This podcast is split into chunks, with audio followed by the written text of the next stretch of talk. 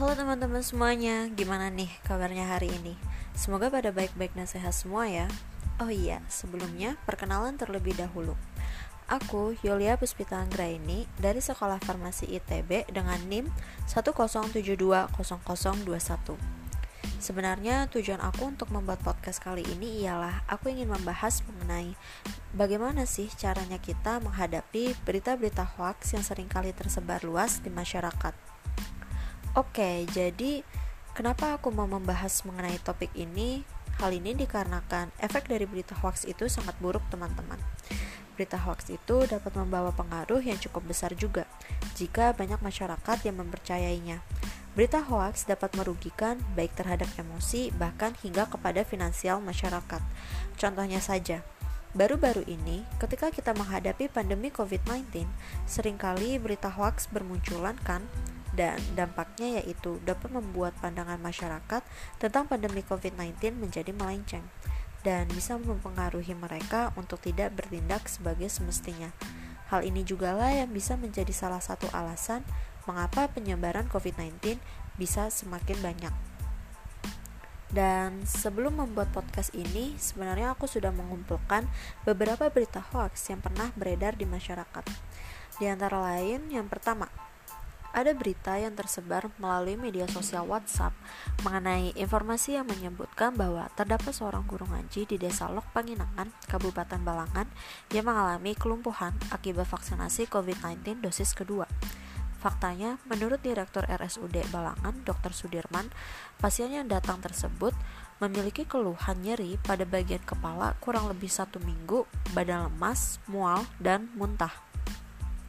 Yang kedua, Melalui platform media sosial Facebook, terdapat video berdurasi 5 menit dengan narasi bahwa terjadi aksi unjuk rasa mahasiswa ricuh di area gedung DPR pada tanggal 11 April 2022. Faktanya, video yang diunggah tersebut merupakan situasi yang terjadi pada September 2019. Lalu yang ketiga nih teman-teman, Beredar sejumlah narasi di media sosial yang mengklaim bahwa rancangan Undang-Undang Cipta Kerja disusun secara diam-diam oleh DPR. Faktanya, Ketua Badan Legislasi DPR Supratman Andi Atgas mengklaim pembahasan Omnibus Law rancangan Undang-Undang Cipta Kerja dilakukan secara terbuka dan dapat diakses oleh masyarakat melalui TV parlemen dan media sosial DPR. Lalu yang keempat, Beredar sebuah video yang berkaitan dengan demo mahasiswa dalam menolak rancangan Undang-Undang Omnibus Law dengan video yang berisikan terdapat mahasiswa yang menabrakkan mobilnya ke kerumunan polisi. Faktanya, menurut hasil penelusuran, video tersebut tidak ada kaitannya dengan demo mahasiswa dalam menolak rancangan Undang-Undang Omnibus Law. Jika ditelusuri lagi, potongan video tersebut akan serupa dengan video yang diupload pada akun YouTube Raden Kuncoro dengan judul Petugas diseruduk mobil saat mengamankan pabrik gula jati 7 Majalengka yang diunggah pada tahun 2018. Lalu mungkin ini akan menjadi yang terakhir. Beredar informasi yang menyebutkan bahwa paracetamol 500 mg dapat dijadikan sebagai obat COVID-19 varian Omicron.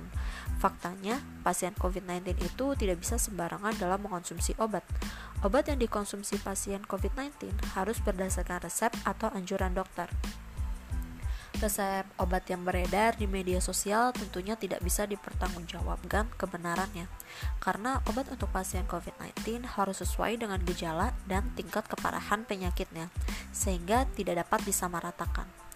Wah, pokoknya masih banyak lagi berita-berita lainnya yang mungkin teman-teman sendiri sudah sering tahu juga ya akan tetapi di sini aku tidak akan membahas mengenai contoh-contoh berita hoax lainnya karena aku yakin teman-teman sendiri juga bisa mencari tahu melalui sumber yang lain.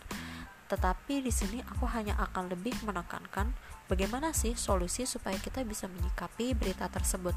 Lalu aku juga mau membahas kenapa sih berita-berita tersebut bisa muncul. Oke, jadi kenapa berita hoax itu bisa ada? Jadi sebenarnya itu ada banyak penyebabnya. Berita hoax itu bisa muncul karena ada orang-orang yang ingin mengambil keuntungan untuk dirinya sendiri dengan cara ya menyebarkan berita hoax tersebut. Ada juga karena orang-orang yang ingin memprovokasi orang lain.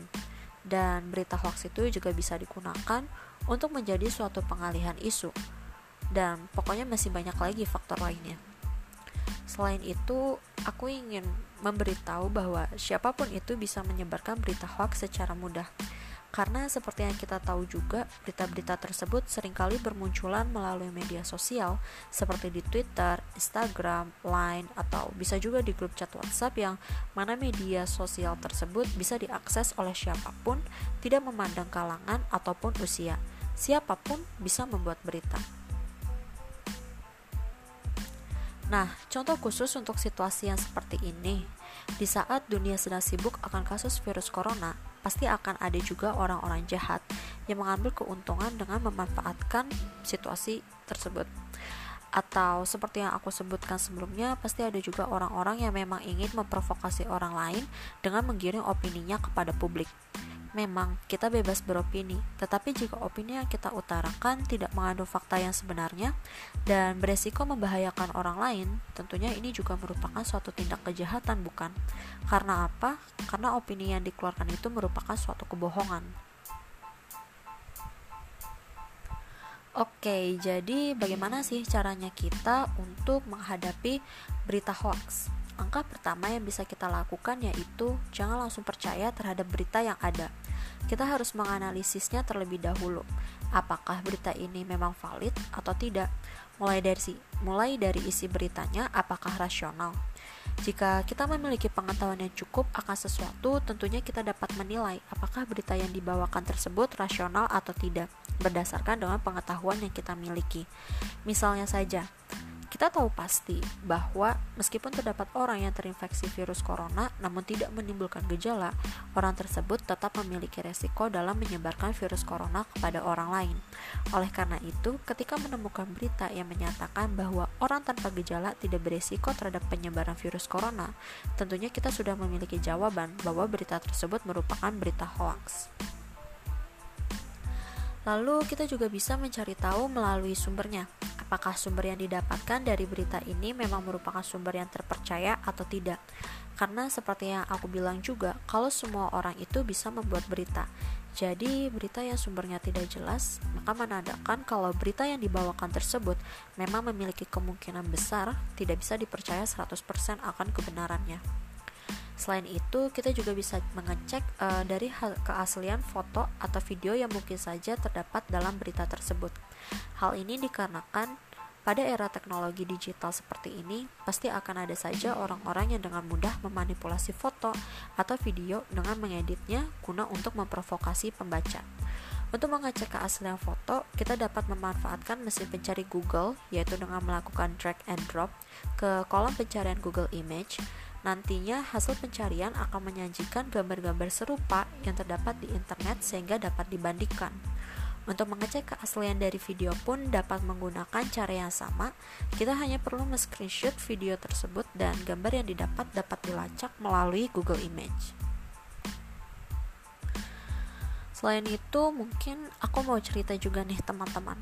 Aku punya salah satu grup chat WhatsApp di HP aku dan ketika aku membuka grup tersebut, memang benar uh, di grup chat uh, tersebut ternyata banyak orang yang suka menyebarkan berita-berita. Dan ketika aku membaca beritanya, terkadang aku memang menemukan ada beberapa berita yang tidak masuk di akal. Selain itu, sumber yang didapat dari berita tersebut tidak ada kejelasannya nih teman-teman. Cuman sedihnya aku merasa ketika kenapa sih ada saja orang-orang yang bisa secara mudah menyebarkan suatu berita tanpa memedulikan fakta yang sebenarnya. Jadi aku pikir sebagai masyarakat, ketika kita mendapatkan suatu berita, kita jangan main asal sebar langsung. Banyak hal yang harus kita pikirkan, apakah berita yang kita sebarkan ini benar-benar betul atau tidak.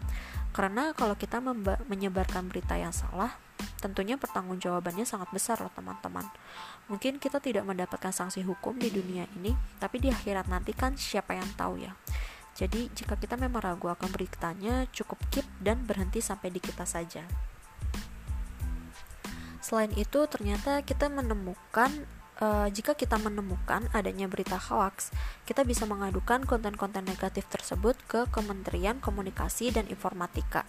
Bisa melalui email ke alamat aduan konten at mail www.kominfo.go.id Oke, jadi segini aja podcast aku kali ini. Semoga kita sama-sama bisa menjadi masyarakat yang pandai dalam menghadapi suatu berita hoax. Tidak hanya kalian, aku pun juga. Karena terkadang aku juga suka mengalami kebingungan dalam menilai apakah ini benar atau tidak. Cuman di saat kita bingung ingatlah terus untuk terus mencari pengetahuan supaya kita tidak menjadi orang yang tersesat dan selalu teliti dalam mencari informasi yang ada.